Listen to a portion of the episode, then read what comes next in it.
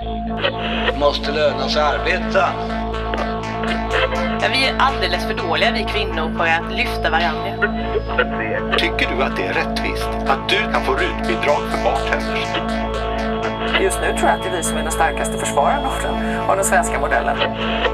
Avundsjukan i det socialdemokratiska idealsamhället är ju större än sexualdriften.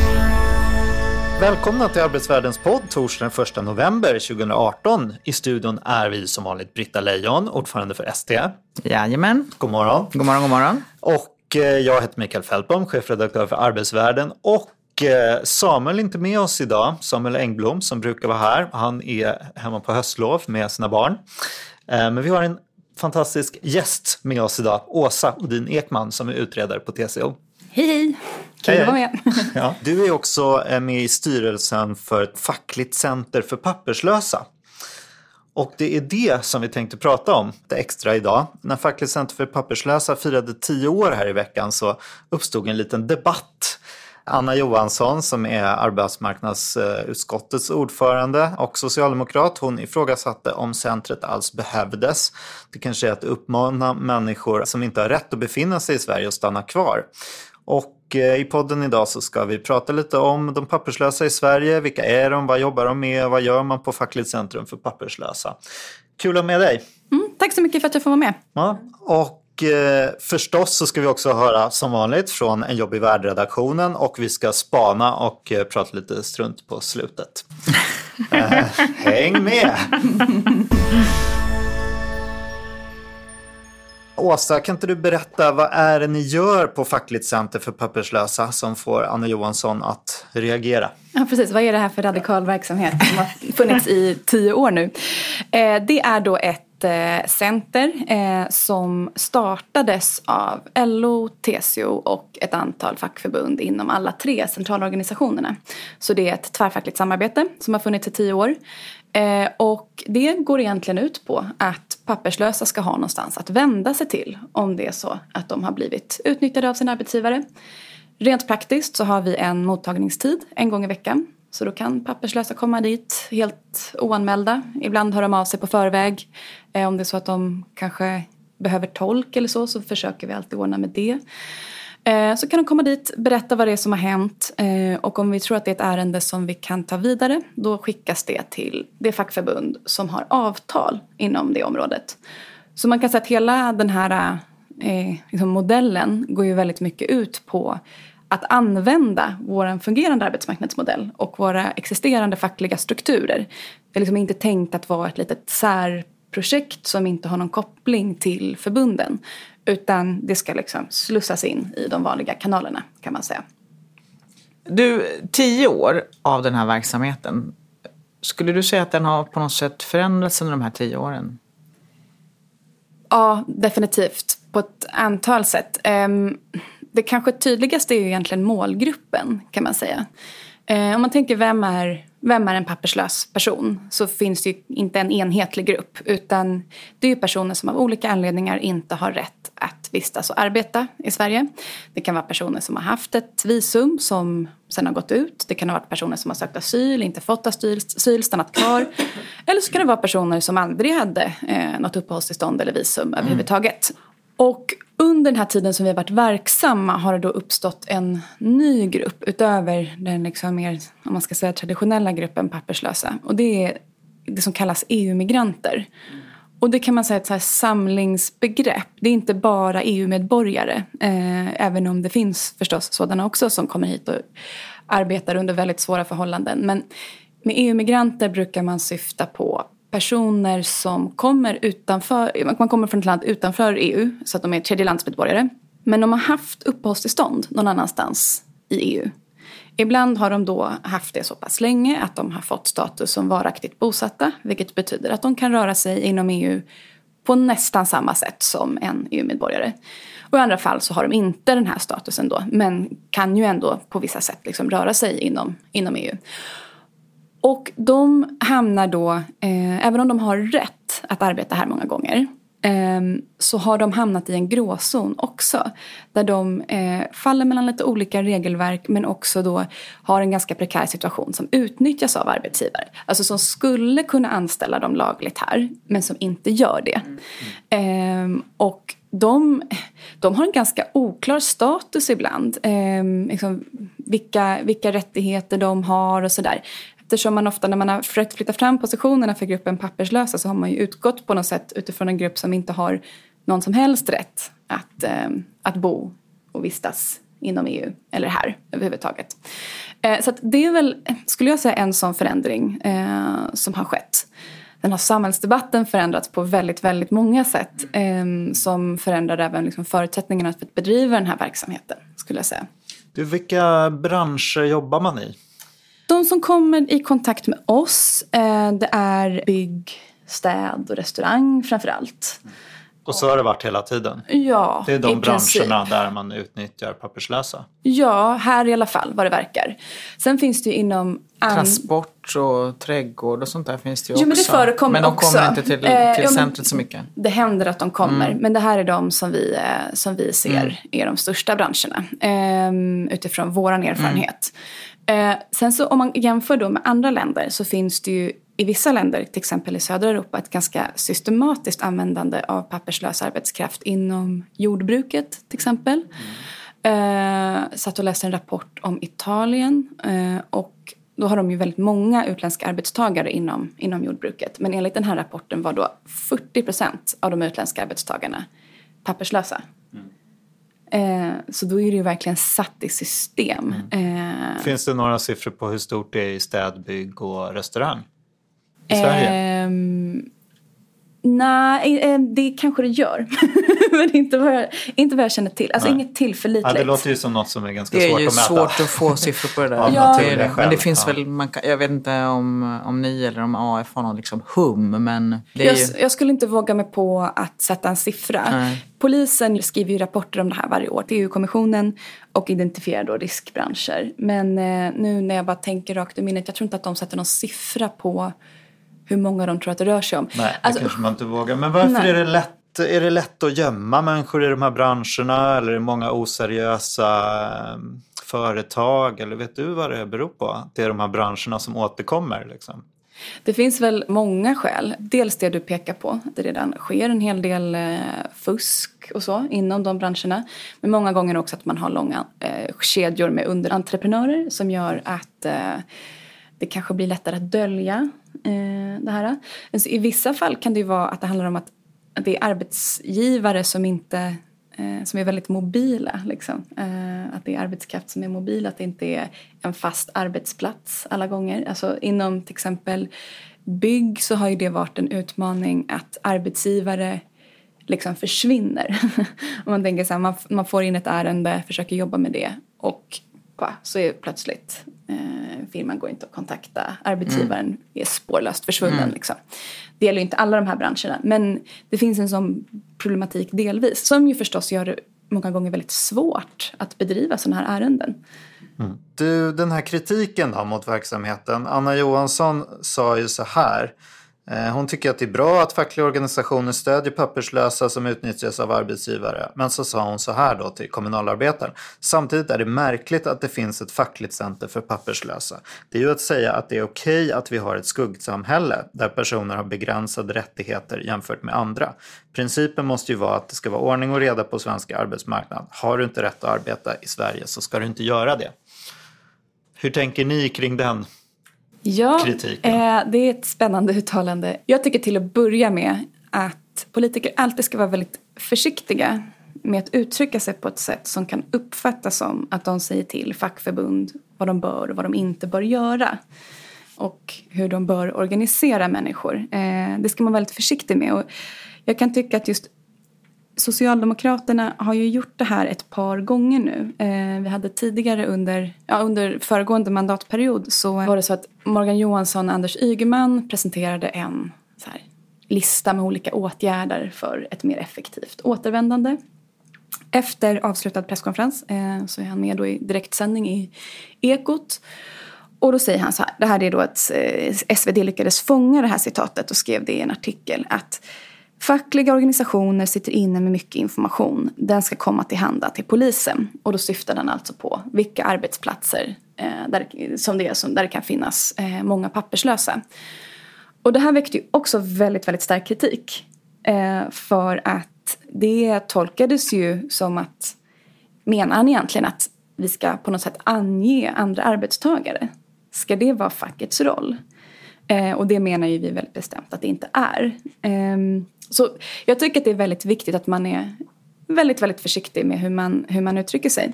Anna Johansson sa ju att hon fick ju frågan sen så här, ska de lägga ner Fackligt Center? Hon bara, nej, nej, det är naturligtvis inte min fråga. Nej. Men jag kan väl tycka att eh, politiker har ju yttrandefrihet som alla andra så det kan de väl ha synpunkter på. Men det är ju, det är ju vi i den fackliga rörelsen som äger våra organisationer själva och bestämmer själva inriktning och utformning och sådär. Så att man får väl liksom värdera de där uttalandena för någon sorts utspel i debatten. Men mm. det är ingenting som styr de fackliga övervägandena. Mm. Nej, precis. Det var någon, eh, någon, jag kommer inte ihåg vart den var, men det var någon ledartext någonstans som sa att nu hade Socialdemokraterna svängt och gått i konflikt med fackföreningsrörelsen över det här ungefär.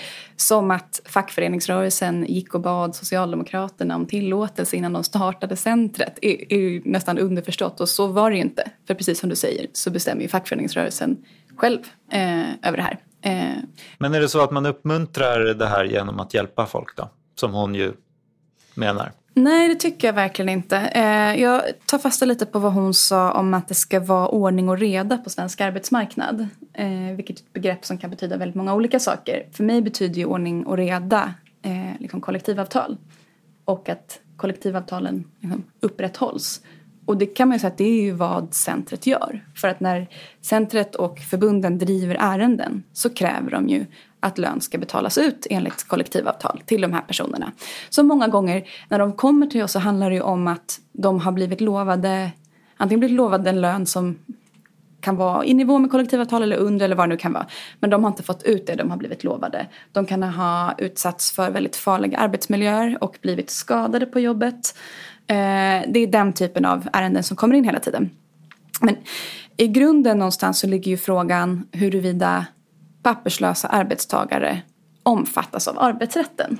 Det är ju den, den grundläggande frågan. Eh, och det här centret bygger ju på en idé om att, en, en övertygelse om att alla arbetstagare har rättigheter. Mm. Oavsett vilken migrationsstatus de har. Mm. Och det har vi ganska mycket juridiskt fog för också. Det är inte bara vi som säger det.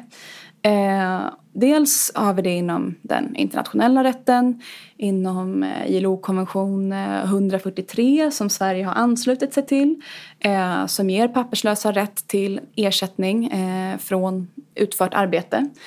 Men vi har också svart på vitt i det som kallas sanktionsutredningen. Eh, som var en utredning som genomfördes eh, när vi skulle införa sanktionsdirektivet i Sverige som är en, en EU-lagstiftning. Och då såg man över den rättsliga situationen och konstaterade väl två saker. Dels att merparten av arbetsrätten omfattar även papperslösa arbetstagare. Man kanske inte omfattas av anställningsskyddet som andra arbetstagare. Eh, liksom man har inte samma rätt till uppsägningstid eller vad det nu kan vara. Men att i övrigt så är stor del av lagstiftningen gäller även där. Den andra frågan då som de tittade på bland annat var huruvida man kan anse att det här sätts ur spel på grund av att ett anställningsavtal är ogiltigt i och med att personen inte har rätt att arbeta här. Och då menar de att nej, det är nästan inte ens en intressant fråga egentligen för att det här är, är liksom lagstiftning som tillämpas självständigt. Det vill säga, du har både migrationsrätt som gäller men du har också en arbetsrätt som gäller. Och den ena kan liksom inte sättas ur spel av den andra. För det skulle ju i praktiken betyda att en arbetsgivare som bryter mot reglerna inom migrationsrätten, att man inte får anställa någon som inte har rätt att arbeta här, alltså som inte har ett arbetstillstånd. De skulle ju kunna komma undan då med vad som helst inom arbetsrätten. Om den liksom ogiltig förklaras på grund av eh, liksom att man har brutit mot de migrationsrättsliga reglerna.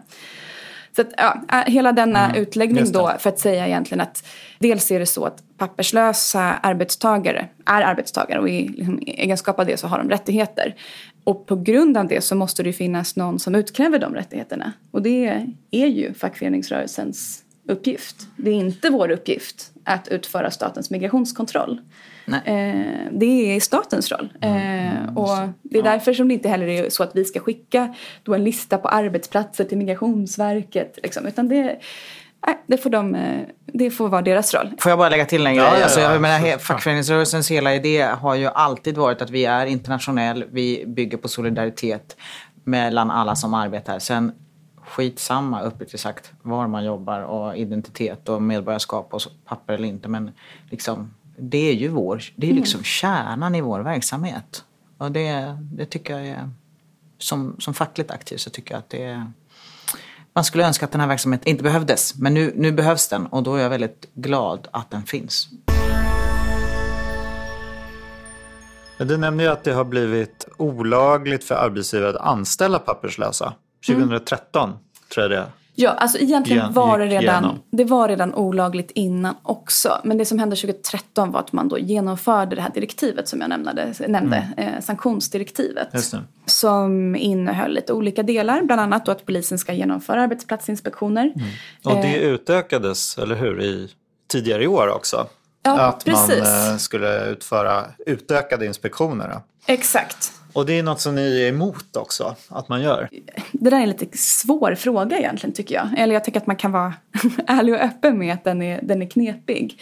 Jag tänkte först, eh, jag skrev eh, TCOs remissvar till, den, eh, ja, men till det eh, lagförslaget. Och först när jag fick det så tänkte jag, hmm, det här kommer bli jättesvårt. För det är många olika ja, men intressen, många olika aspekter att tänka på i det här.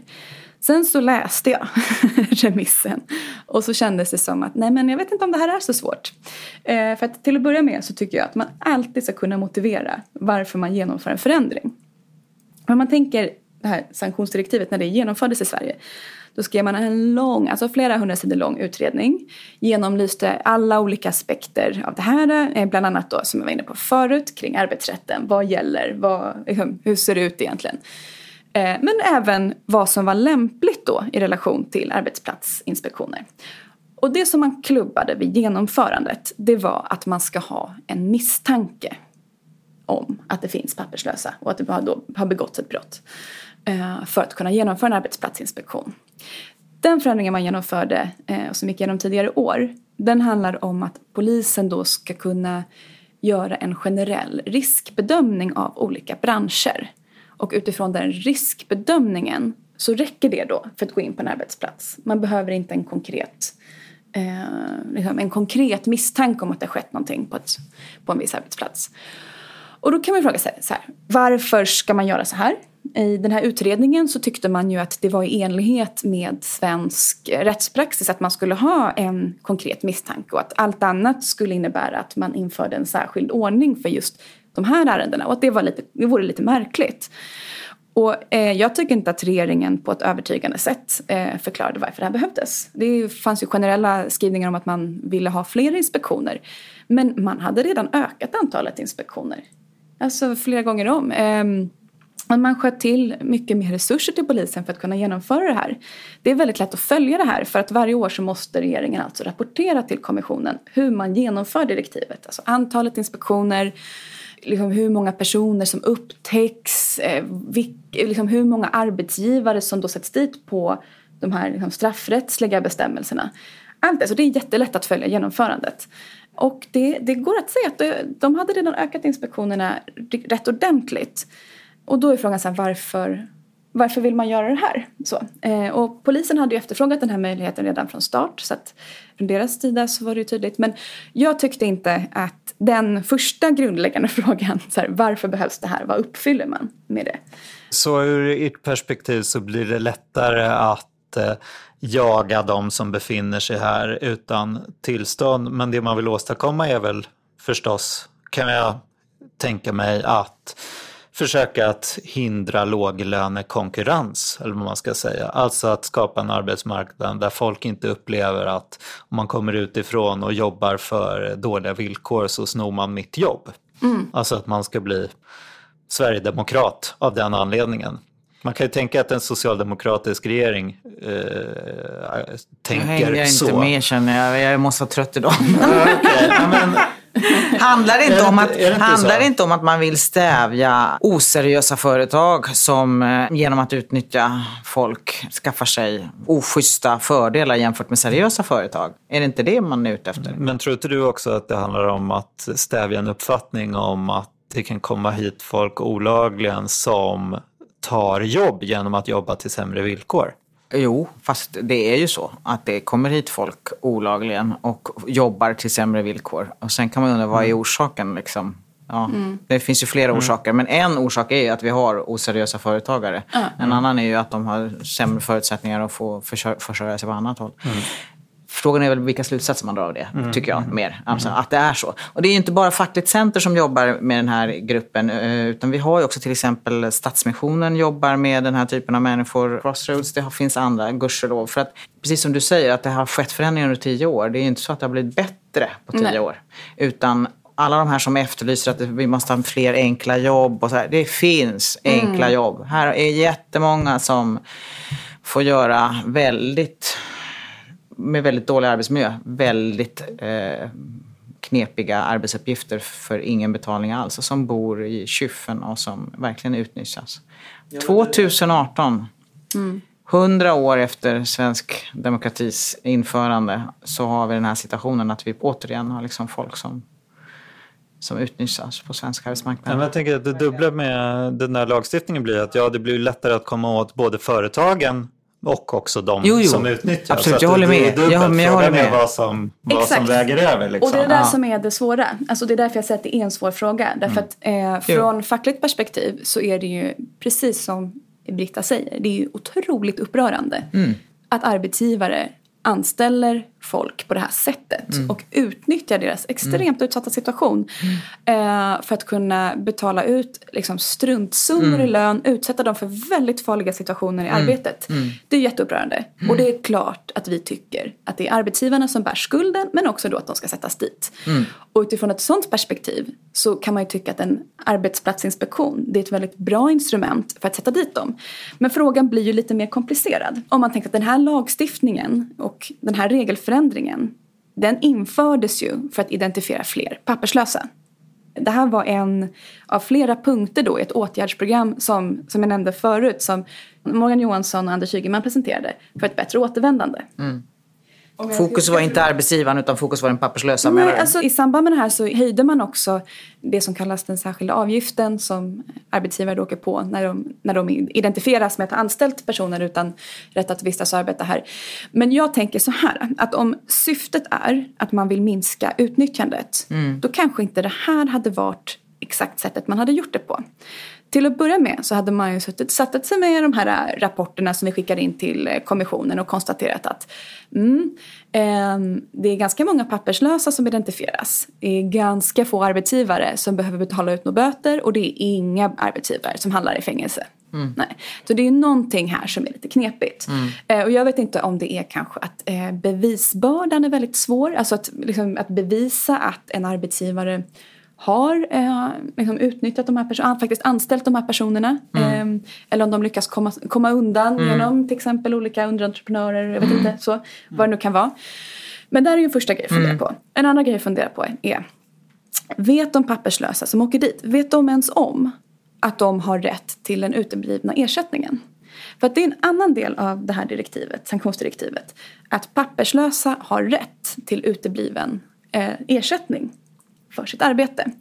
Och om man inte kan bevisa exakt hur mycket det rör sig om så finns en presumtion om att den ska vara tre månader på kollektivavtalets liksom, lägsta nivå. Och i den här utredningen så nämner man då bland annat Fackligt Center för papperslösa som en, liksom, en aktör som kan hjälpa dem utkräva det här. Jag känner inte till och jag, jag har frågat tidigare andra i centret som har varit med längre. Jag har varit med i fyra år och de har ju varit med lite längre allihopa. Uh, om de känner till att någon person har kommit till oss som har just åkt dit i en arbetsplatsinspektion och vill få hjälp med att utkräva eh, sin liksom, uteblivna lön. Och vi har inget sånt ärende. Vilket säger mig att det är, den här lagstiftningen innehåller både rättigheter för den papperslösa och liksom en mekanism för att sätta dit arbetsgivaren och den papperslöse. Och att den här rättighetsdelen är ganska svag i praktiken. Mm. Vill man motverka utnyttjandet så är, tycker jag att man börjar där. Mm. Sen finns det ett grundläggande problem i att en lagstiftning innehåller båda de här delarna samtidigt. Det blir väldigt, väldigt svårt för papperslösa att antingen anmäla en arbetsgivare eller på något annat sätt hävda sina rättigheter utifrån en lagstiftning som är till för att också sätta dit dem. Och som gör just det. Jag tänker, vågar man komma till er? Vad händer då? Säg att man till och med får rätt då mot en arbetsgivare. Man får kanske tre månadslöner mm. och det man kom överens om. Men sen åker man ut då, eller? Ja, precis. I den här situationen skulle det handla om personer som redan då har åkt dit. Så att, liksom, mm. då skulle det inte vara så himla komplicerat. Men ja, det är klart att det är jättesvårt för människor att komma till oss.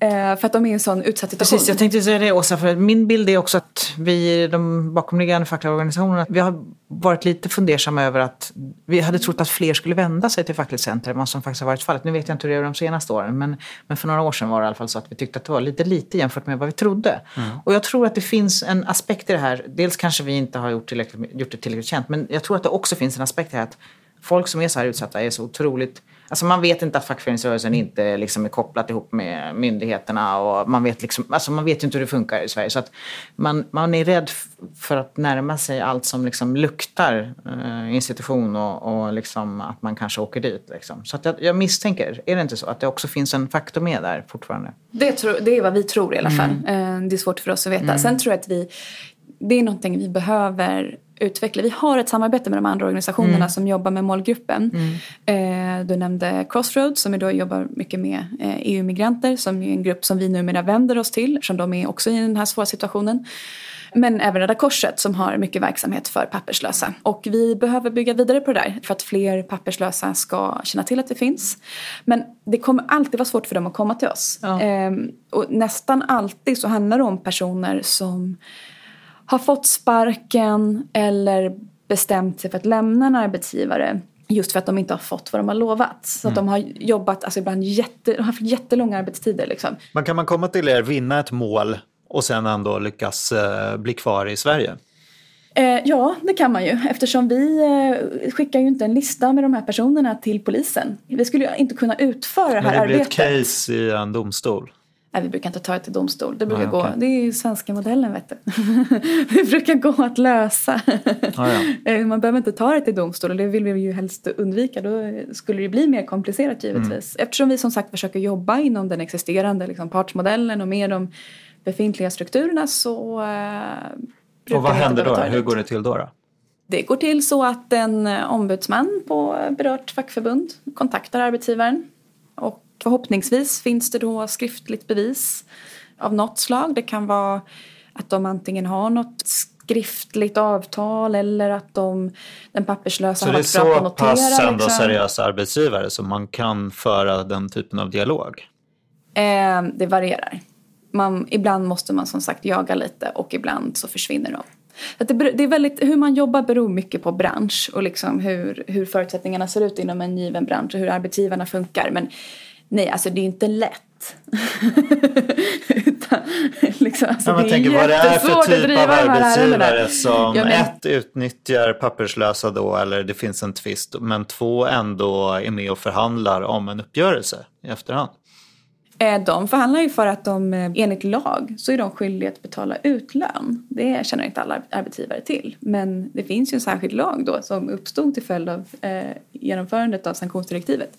Det är liksom svart på vitt. Man har väldigt mycket rätten på sin sida att hävda att de måste betala ut eh, den ersättning som, ja, som de inte har, har betalat ut. Eh, så att, eh, det, det är superkomplicerat att driva ärendena, det är det verkligen. Och det är därför vi inte alltid lyckas. Men vi gör vad vi kan och eh, använder de, ja, men de verktyg som vi använder för andra ärenden också. Finns det här i eh, flera andra länder? Hur ser det ut där? Kan man göra någon jämförelse med Sverige? Dels ser det ju väldigt olika ut i olika länder. Ehm, alltså det rent lagstiftningsmässiga. I vissa länder finns det ju möjligheter att gå från papperslös status till liksom, att få ett uppehållstillstånd. Det påverkar ju väldigt mycket förutsättningarna att jobba med den här gruppen. Och då kan man säga att ett, i ett land där det finns väldigt mycket facklig verksamhet kring det här, det är Frankrike. Framförallt CGT, en centralorganisation som ju har den här tidigare kommunistiska kopplingarna.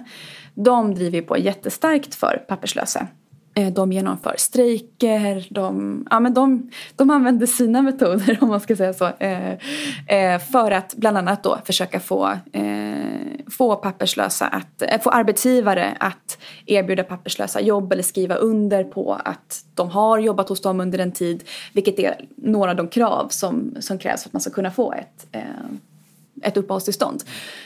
Det har, tidigare, för tio år sedan så var det jättestora strejker och demonstrationer i Frankrike för att ge papperslösa rätt att stanna.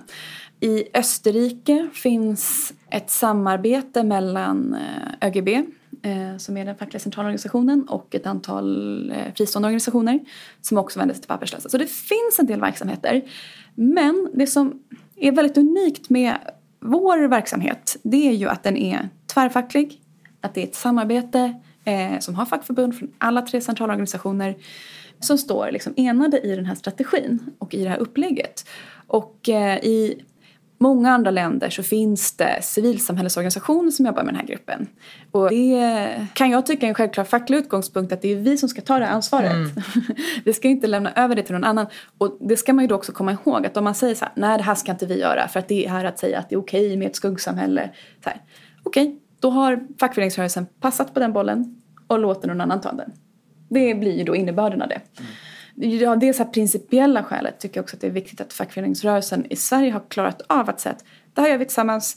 Vi klarar av att ta fram nya metoder och strategier för att reglera arbetsmarknaden. Även de svåraste problemen på arbetsmarknaden. Kan vi inte avsluta med det här med förändrat samhällsklimat som du var inne på Britta? När vi pratade i arbetsvärlden med eh, Sten-Erik Johansson som var en av initiativtagarna och fortfarande verksam som föreståndare på Fackligt Center för papperslösa. Då sa han så här, vi hade länge bilden av att vi förändrade synen på papperslösa bort ifrån att man jagade illegala människor. Men nu är det mycket tuffare samhällsanda. Sedan 2015 när det kom många flyktingar har tumskruvarna dragits åt och bakom den hårdare, tuffare tonen ligger inte bara SD längre. Den tonen har inympats i andra partierna också. Mm. Det känner du väl igen dig i, Åsa? Ja, tyvärr. Mm. Mm. Jag skulle säga så här. Den här grundläggande idén som, som vår verksamhet bygger på, att alla arbetstagare har rättigheter, betyder ju också att alla människor är rättighetsbärare även personer utan rätt att vistas här. Och det känns ju tyvärr som en lite mer radikal tanke idag än för några år sedan.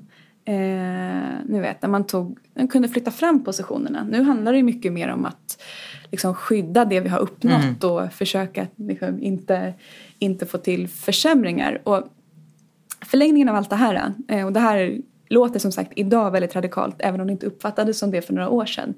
Det är att eh, om man är för den reglerade invandringen, vilket vi förstås är, så innebär det att man kommer ha migrationskontroll, man kommer ha liksom, de här delarna.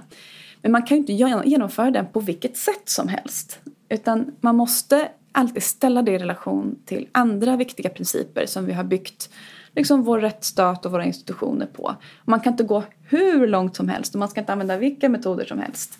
Eh, det är det är ju en ganska eh, svår pedagogisk uppgift att förklara idag på grund av det samhällsklimatet mm. som råder. Eh, jag tänker till exempel då på så här, försvara eh, papperslösas rätt till vård. Att man inte ska genomföra eh, liksom, migrationskontrollen genom att göra in, alltså inkräkta då på de här rättigheterna som finns. Börja ta register från sjukhus. Liksom. Inte så vi ska göra det. Eh, men eh, då kan vi vara väldigt stolta över att vi fortfarande förmår i den här tiden att ha den här eh, liksom, principiella ställningen och stå fast vid det. Vad säger du Britta? Nej, men jag håller verkligen med. Och jag tänk, vi, vi, brukar ju säga från SDs sida, eller i alla fall brukar jag säga att fackliga rättigheter är mänskliga rättigheter. Och eh, samhällen som fungerar väl demokratiskt, där respekteras också med fackliga rättigheter. Så det hänger så intimt samman. Det är verkligen sorgligt att det som för 10 år sedan, 15 år sedan var alltså inget som diskuterades utan självklarheter är idag satta under attack och ifrågasatt. Det säger något om den tid vi lever i. Mm. Ja, hörni, från detta till vår eh, En jobbig världsredaktion. Eh,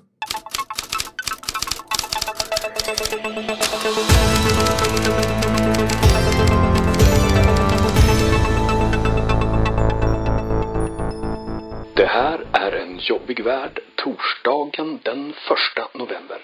Annie Lööf skadad under tillitsövning. det var när deltagarna från de olika regeringsalternativen skulle falla baklänges i varandras armar som Centerpartiets partiledare föll i golvet och drabbades av en lättare nackskada. Talmannen Andreas Norlén beklagar händelsen. Hela havet storma gick väl okej, men under tillitscirkeln märktes att kommunikationen inte alls fungerar, säger en källa nära talmannen.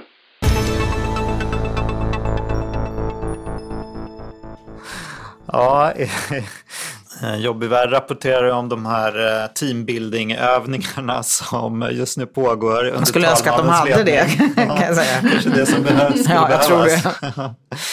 Vad tror ni om den här eh, situationen? Är det här ett centerpartistiskt spel det som pågår just nu för att liksom sk- skapa uppmärksamhet kring Annie Lööf och Centerpartiet som eventuell eh, statsminister, regeringsbildare? Är det det man håller på med eller Ja, Jag är, jag är ju ibland lite naiv, men det tror jag faktiskt inte. Utan jag tror, jag tror faktiskt att det är genuint eh, inre konvulsioner i, i både Centern och L kring hur man ska handskas med de här två oförenliga ståndpunkterna som man har.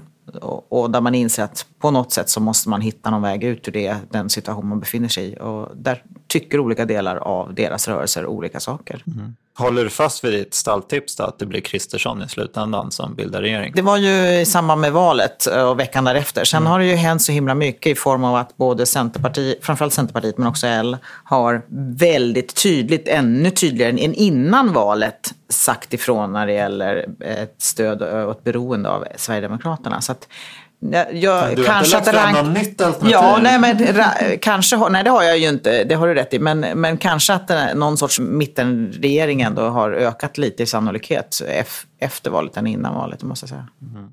Åsa, vad tänker du? Jag hade visualiserat de här, eh, den här workshopen, de här gruppdiskussionerna, eller grupparbetet för att få fram en ny regering i en liksom, post-it-övning där de får gå och sätta små pluppar på olika lappar. Liksom vill de ha Ebba Busch Thor som jämställdhetsminister och sådär. Men jag hade kanske eh, inte tänkt på att just det kanske var de här tillitsövningarna som krävdes först för att skapa förutsättningar för det där. Eh, men jag håller egentligen med Britta helt och hållet att det är en nästan existentiell fråga för, några, för, dem, för Liberalerna och Centerpartiet. Och de har inte lyckats bestämma sig. Det är väl egentligen där vi är. Och vid något tillfälle behöver de bestämma sig. Hellre snarare än senare om man säger så. Nu har de haft lite tid på sig. Ja. Men jag tror att det, behövs, det behöver nog hända grejer för att de ska kunna säga att Nej, men det där gick vi inte, det där vi inte. Alltså det behöver ja. hända någonting annat än samtal. Det behöver hända någon form av att man testar något alternativ eller något sånt tror jag innan, innan, innan de kan liksom komma vidare i sina inre konventionsdiskussioner. Ja precis, alltså, eh, Viktor Bartkron hade några roliga tweets om det här för några veckor sedan. Apropå det här om att Moderaterna ville lägga en budget, ändå, en skuggbudget och ta den till riksdagen och pröva den. Mm. Och eh, att det är ju att spela ganska högt egentligen. Eller generellt kan man ju säga att både Moderaterna och Kristdemokraterna spelar högt i relation till Liberalerna och Centerpartiet. Sätter mm. hårt emot hårt. Men eh, han var ju sådär, ja det är väl bra om det kan få slut på det här. liksom, att det faktiskt tvingar fram ett ställningstagande. Som du säger så är det nog det är nog någonting det krävs, konkret. Det krävs något konkret Precis. för att förändra saker, inte bara samtal, det tror jag med. Mm. Mm. Så det är tre faktorer. Det är dels att de, eh, det pågår konvulsioner, att de har svårt att bestämma sig. Två, att de måste få något press utifrån. Och så tre, min cyniska eh, idé då om att det här är att de tycker att de har ingen jättebrådska att bestämma sig, utan att det kan vara gå lite tid medan de hamnar i centrum för debatten. Okej, okay. du kanske har någon poäng där, det är möjligt. Men jag tror att grundorsaken är de andra, det ja, tror jag. Det är genuint svårt. Vi går över på våra spaningar. Vem vill börja? Mm, ja, men jag kan väl börja då. Mm. I den här äh, komplicerade världen vi lever i nu när gamla sanningar inte längre är sanningar och gamla kartor inte längre gäller. Så är det ju alldeles uppenbart, så har det alltid varit i historien, att när det är så i omvärlden då vänds våra blickar inåt till den lilla världen. Och det är ju inget nytt, så det är ju ingen spaning. Men det är möjligtvis den lilla, lilla liksom, nyansen som jag tycker mig ha iakttagit på sistone är ändå att det också är nu något sorts inte bara den lilla världen i form av att man ägnar sig åt att renovera sina kök och sina hem och liksom, ja, ni vet, familjeliv och sådär. Utan eh, också den lilla världen i form av eh, den allra minsta världen, våra barn. Och då tänker jag på att dockskåp ju har uppmärksammats att det har blivit mer och mer eh, liksom inne i, som liksom del av filmer och i andra sammanhang. Eh, I bö- böcker som, som, där dockskåp tar allt mer plats. Okay. Jag tänker på att eh, Sven Harrys konstmuseum här i Stockholm nu har en utställning med Jenny Nyström, vår klassiska sagoboksillustratör och jultomtetecknare. Och vi har inte ett Nobelpris i litteratur, men vi har dock ALMA-priset eh, priset till Astrid Lindgrens minne, för just barnlitteratur.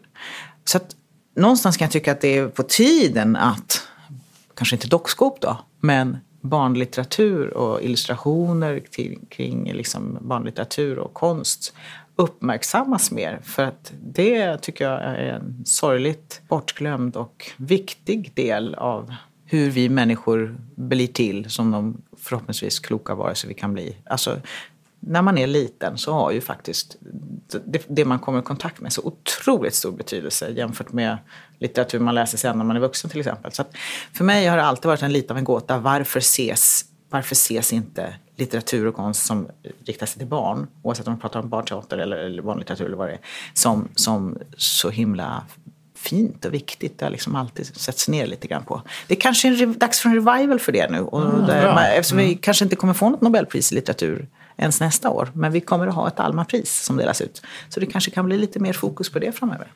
Intressant. Barnen blir en del av en eh, inåtvänd trend. Men blir det barnen i sig eller blir, det så här, blir de en heminredningsaccessoar Ja, i det form vet av jag ju inte. det vet jag inte. Jag hoppas. Jag önskar ju det ena, men jag vet inte. Jag tycker att vi har haft också så fin eh, litterär tradition i Sverige också med litteratur för barn som verkligen tar barn på allvar. Absolut. Alltså som behandlar dem som väldigt eh, ja, men intelligenta, reflekterande, nyfikna liksom, varelser som de ju är. Mm. Ehm, och att det, det är viktigt att Och vi har haft en fantastiskt avancerad och långt framskriden tv riktad till barn som nu tycker jag har fått också för lite resurser och istället är barnen idag överföljda med en jäkla massa strunt. Eh, som vi slapp när jag växte upp. Liksom. Jag brukar Mer försöka resurser titta till på. Biss och Kajs med mina barn. Det, Okej. det tycker föräldrarna är roligare. än När de gör tv-historia. Okej. Jaha, Åsa?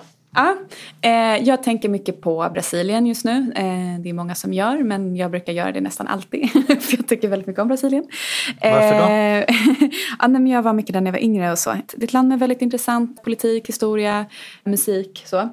Men, Plus att du dansar? Ja, jag dansar precis. Mhm, Eh, gör det? Vadå för är- något? eh, Ja, men jag dansar lite allt möjligt. Eh, dansar en del samba och Okej. en pardans som heter Forró som kommer från östra Brasilien. Aha. Det gör jag inte så ofta längre. Eh, ja, men en liten avvikelse.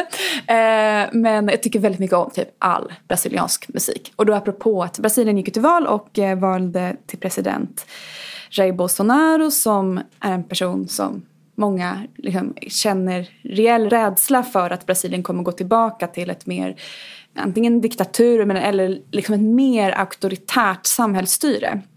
Det är ju många då som, som har diskuterat det de senaste dagarna. Och då, om jag, man ska försöka tänka på någonting mer eh, positivt eller ha en mer positiv spaning så under hela den här eh, presidentkampanjen som jag följt ganska mycket så har jag också följt den här liksom motreaktionen. Och så har det funnits då en hel motrörelse där man har, eh, som har gått under någon slags paroll, så här, viravato som betyder typ vänd rösten då. Alltså för att han fick ju väldigt stor andel av rösten i första eh, presidentvalsomgången och om man då kunde övertyga människor att byta sida till omgång två. Brasilien har ju så obligatoriskt röstande så man kan inte köra en stor, man kan inte vinna en ny majoritet genom en stor mobilisering utan man måste liksom övertyga människor. Eh, så. Och det här valet har ju präglats jättemycket av desinformation, eh, lögner som går via sociala medier, framförallt WhatsApp-trådar. Eh, och då har den här liksom Viravoto-grejen någonstans handlat om att man ska prata med människor och övertyga dem om att rösta på ett annat sätt. Och det kan man inte ta bara genom någon slags mediekampanj utan man måste, man måste vända sig till människor, eh, prata med dem. Och det här budskapet har man spridit i sociala medier? Ja men precis. Alltså, det, ja, okej, okay, jag har hört det. Men det har varit ganska kul då, liksom, när man sitter där och är jättedeprimerad över, över alla liksom, opinionsundersökningar så är det sån här, liksom, så här Instagramkonto som lägger upp olika skärmdumpar på folk som har skickat in så här. Idag övertygade jag tre personer så här. Heja heja! Och så, så här, massa massa kommentarer. Heja dig, vad bra! Så något annat inlägg, så, ah, jag har övertygat tio personer. Eller här är en bild på min syster när hon sitter och bjuder på kaffe och övertygar människor. Och liksom här, utbyte mot att prata om politik. Ja, men ni fattar. Så, eh, och någonstans tror jag i det här liksom, eh, tiden vi lever i där vi funderar mycket på hur man ska hantera den här liksom organiserade propagandan, hatet, allt det där. Att det kanske inte finns någon omväg utan att man måste ta det i direkt kontakt med människor. Mm. Så då tänker jag kanske lite sådär folkrörelsernas eh, återkomst. Ah. Eh, mm. Vilket ju är viktigt även för oss som fackliga organisationer. Ja, jag försöker tänka mm, lite positivt. positivt. Okej, okay, ja. Eh. som de säger, nu har de sagt det på sociala medier, samtalet är tillbaka. Så det så. Och vi vänder oss inåt mot familjen. Okej, okej. Oh, spaningen på samma... Nej, jag vet inte. Kanske du ser, du ser lite skeptisk Har du någon negativ spaning då? Jag har alltid de negativ finns ju, spaning. Nej, det har du väl inte alltid. Men de det, är min, det är min livsluft. uh, ja, men jag läste en artikel på Vox EU. Det är ju en sån här sajt för ekonomisk forskning. Så man kan ha kul att kolla in ibland och då så var det en ny artikel om skatter. Det är ju alltid spännande för oss som tycker att samhällsekonomi är kul. Och det var en tysk studie av eh, Nadja Duenger och Lukas Treber som hade tittat på om folk betalar sina skatteskulder om de eh, skräms med att hängas ut på någon lista som då sprids till allmänheten. Och det visade sig att det fungerade ganska väl för eh, företag i alla fall, som de tittade på. Att de här företagen som riskerade att hängas ut för att de inte betalade sina skatteskulder. De betalade in då mm. eh, i genomsnittsfallet 8,5 eh, procent eh, av sin skuld. Eh, det var väl inte så mycket? Ja. 8,5 procent. Ja, det är bättre än noll. De som låg eh, nära gränsen, de eh, betalade in. Men de som låg väldigt långt ifrån, mm -hmm. de kanske inte ens hade resurserna Nej, att betala in. Ja, det låter så, då blev det, ah, ja. ja. det blev det lite skevt okay. i det där. Ah. Vad man också kunde se, det var ju de som hade affärer med slutkonsumenten mm. som betalade in pengar. Mm. Därför där var ryktet mer avgörande Absolut. än om du hade någon som business to business verksamhet mm. där inte, ryktet inte spelade så stor roll. Mm. Men eh, ja, det var den positiva delen då. Men den negativa var ju att det där dog ut efter ett tag. När, när den där listan hade publicerats så verkade det som att eh, folk tappade intresset lite grann och mm. det, liksom, inbetalningarna minskade. Eh, så det kanske inte var en så långsiktigt hållbar strategi. Men det var ändå intressant. Jag tänkte på, alltså nu är ju eh, nu är kanske inte det stora problemet att folk inte betalar sin skatteskuld utan att man hittar på eh, kreativa sätt att undvika skatt överhuvudtaget. Och det kanske man snarare är stolt över att göra än att man skäms för det. Men samtidigt så kanske det är marknadsföringen det är fel på. Alltså det finns ju ändå en trend mot att eh, det blir allt mer tryck på att betala sin skatt. Mm. Jag tänker på både EU, mm. OECD och IMF. Alltså, Alla Panama-läckor och sånt där. konsensus mm. på något sätt. Ja. Så att, eh, det kan, man kanske kan marknadsföra de där eh, listorna lite, lite smartare och skapa tryck på det här. Så kanske det finns en eh, möjlighet i den här trenden, mm. att skatterna kommer in. Hörni, tack för idag. Tack själv. Tack själv. Jag ska bara säga att Eh, man ska ju prenumerera på Arbetsvärlden i sin eh, poddapp så man inte missar några avsnitt. Och sen kan man ju också ta kontakt med oss både på Facebook och Twitter och i kommentarstråden till exempel på arbetsvärlden.se och berätta vad man tycker och vad vi ska prata om framöver. Och så, gör så. Så ses vi igen om två veckor. Adjö. Adjö.